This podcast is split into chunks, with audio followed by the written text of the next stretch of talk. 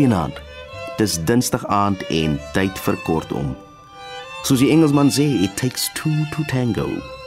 My goeie vriend Claire Olofse het by my kom kuier en ek het hom gevra om Lloyd Zandberg se storie te lees, getiteld Tango. Dit kom uit die bundel Per ongeluk, uitgegee deur Tafelberg, 'n druknaam van ND Uitgewers. Geniet ons storie.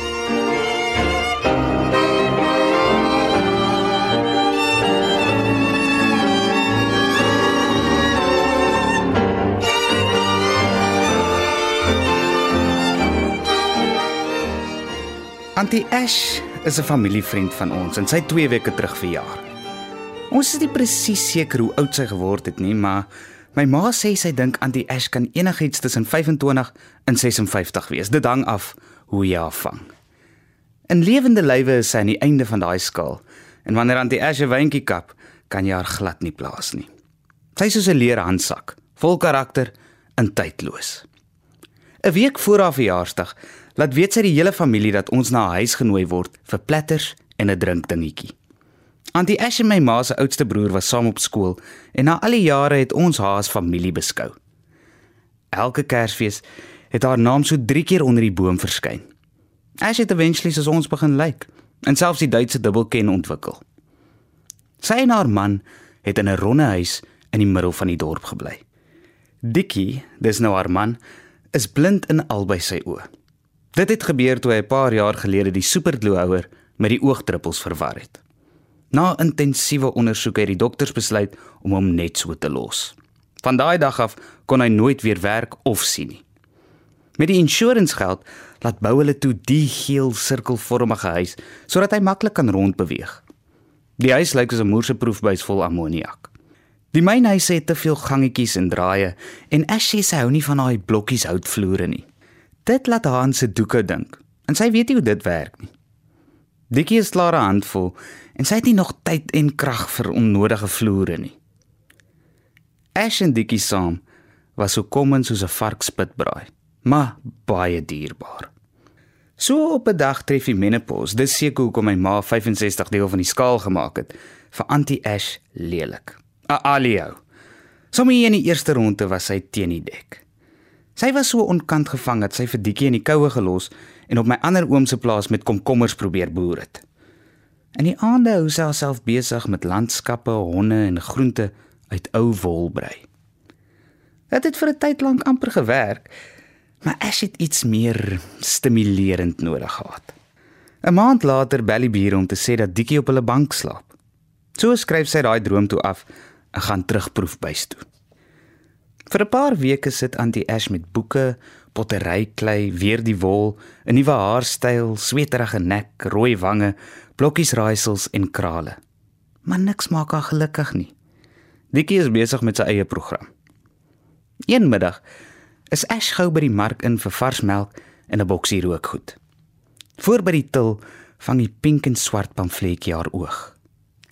Latin Ballroom staan groot voorop.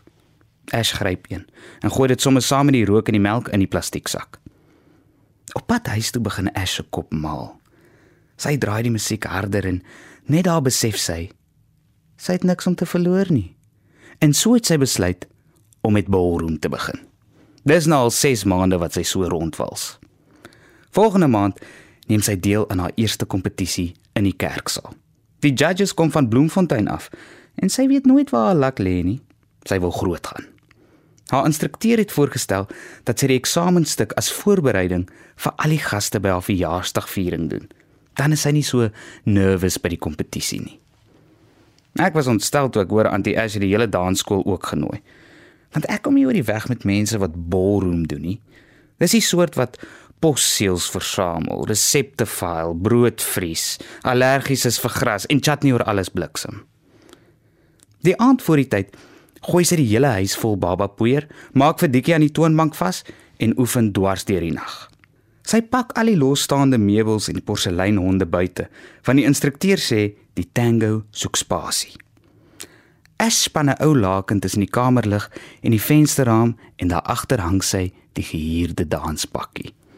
Sy wil nie mense moet haar outfit voor die tyd sien nie. Antie Ash het vir Martie, wat sy by die dansskool ontmoet het, gevra om die vingerhappies te organise. Martie sê my ma is gebou soos 'n longdrop. Baie water in die onderlyf en hou van jonger mans. Maar sy maak 'n platter wat skrik vir niks nie. Ash se aandag moet ten volle by die rotine wees, want sy sukkel blykbaar nog met die heel changes en sy het net een kans om te impres. Ek wou nie eintlik die ete bywoon nie, maar my ma het gesê Ash like my stikkend en sy wil vir my en my broer een van die dae vir yskriem vat.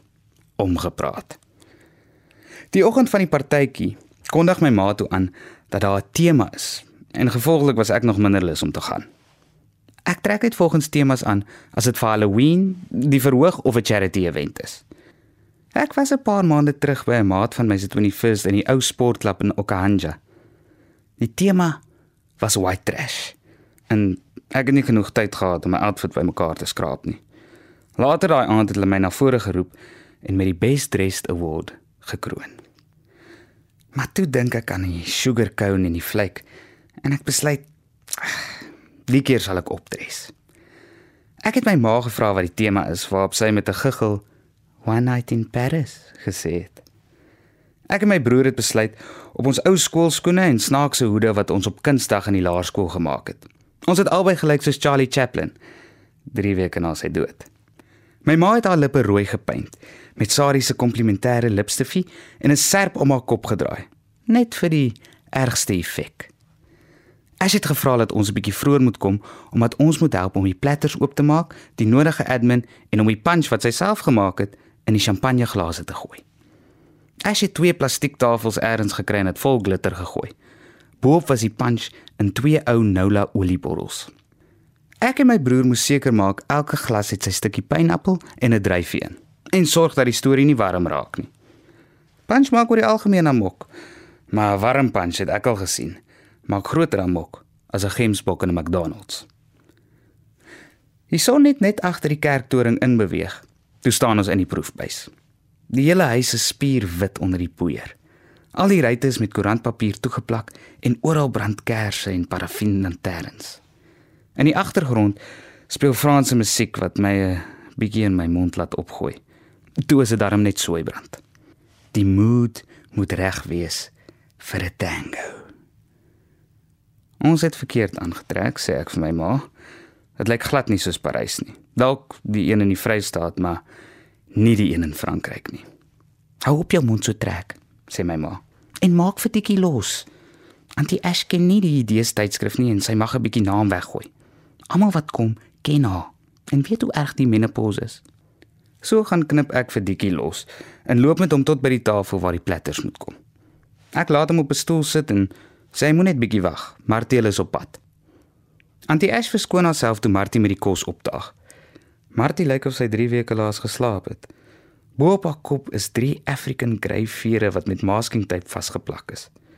Alles behalwe haar lippe het lipstik aan. Terselfdertyd bring nog 'n man 'n trolly vol kos. Jy kan sien hy dans ook. Hulle dra mos almal sulke broeke wat die knop deur laat staan en wit ongeknoopte hemde wat kan deurgaan as onderbaadjies. Dit lyk soos die tipe kos wat in die parking lot by 'n bazaar lê. Heel bo op die trolly is twee stukke karton wat met folie oorgetrek is. Boop lê pies, Vienna style klein rooi en groen uitjies wat na kersversierings lyk, samosas, blokkies kaas, hoenderboutjies, tuna broodjies en 'n handjie vol peanuts en raisins. In die middel van elke platter is 'n hoop mayonnaise. Dis die dip en laat die hele ding klasie lyk. Enige dieetkundige se nagmerrie. Martie groet vir Ash wat besig is om agter die laken aan te trek en loop weer hand aan hand met die man terug kar toe. Terwyl ek en my boetie die punch en glase skep, kom Martie en die man met nog kos die huis binne geloop. Die man sit 'n bord voor ons neer. Toe ek dit sien, weet ek, ons is in vir 'n ride. Dis oranje, dit bewe en dit blink. Baie soos Donald Trump, net bietjie kleiner. Die man sê toe, ons moet so lank pleister soek. Want as ons al ooit gedink het iets is lekker, het ons nog nooit Martie se stolslaai geëet nie. Vanaand eet jy julle vingers raak sê hy net nadat my ouma hulle gearriveer het. Martie vra dat my boetie die slaai soos goud moet bewaar. Teen 7 uur is al die gaste daar en die punch begin lyf kry. Oral begin mense meer en meer soos gemsbokke lyk. Antoine, die Franse instrukteur, vra in verbrokkelde Engels dat ons moet nader staan. Antie Ash se enkels is opgewarm en sy het vir die eerste keer daai laaste draai onthou. Dis die oomblik. Ek gee vir my ma die teken dat sy die musiek moet speel. Die mense sit op plastiekstoele reg rondom die sitkamer. Die instrukteur gaan staan in die middel en begin hardop tel. As hy daai eerste beat mis, is dit verby. Die helfte van die dansskool hou duim vas en die ander helfte is besig met resepte uitdeel. Martie en Pleister huil albei. En toe laat sak aan die Ash die laken. Sy staan in 'n posisie wat ek nie gedink het menslik moontlik is nie. Stadig laat sak sy die een hand terwyl die ander net sy een se kop bo haar skouer lê. So loop Antie Ash asof sy blaasinfeksie het tot in die middel van die kamer en gryp Antoine se hand. O, de toi. Talent sy taal. En daar trek Antie Ash weg met 'n move wat goed genoeg is vir 'n foto. Antoine werk vir haar soos 'n stuk skilverdeeg tussen die telkimpoeier. Sy kry nie kans om asem te skep nie. 4 en 'n half minute later, toe die stof gaan lê, smile hulle albei van oor tot oor. En dis toe dat Martie met Donald Trump nader stap. Dikkie is besig met sy eie program. Sy mond en vingers is grasgroen soos hy daai uitjies gestraf het. Antoine sak neer op sy een knie. Ek en my broer sluk nog punch. Nou staan Martie langs Antoine. Niemand weet wat aangaan nie. My ma sit die musiek af en die ligte weer aan. Martie gee die stolslaai vir Antoine en gaan staan weer by pleister. Toe druk Antoine sy hand in die slaai. Grou 'n bietjie rond en haal 'n goue ringetjie uit. Auntie Ash plaas albei haar hande oor haar mond soos iemand wat wil kots. Ek vat nog 'n sluk. Toe neem Antoine haar linkerhand en gly die ring aan. Ons het dit glad nie sien aankom nie. Dikkie in kluis. Maar ten minste het hy verskoning.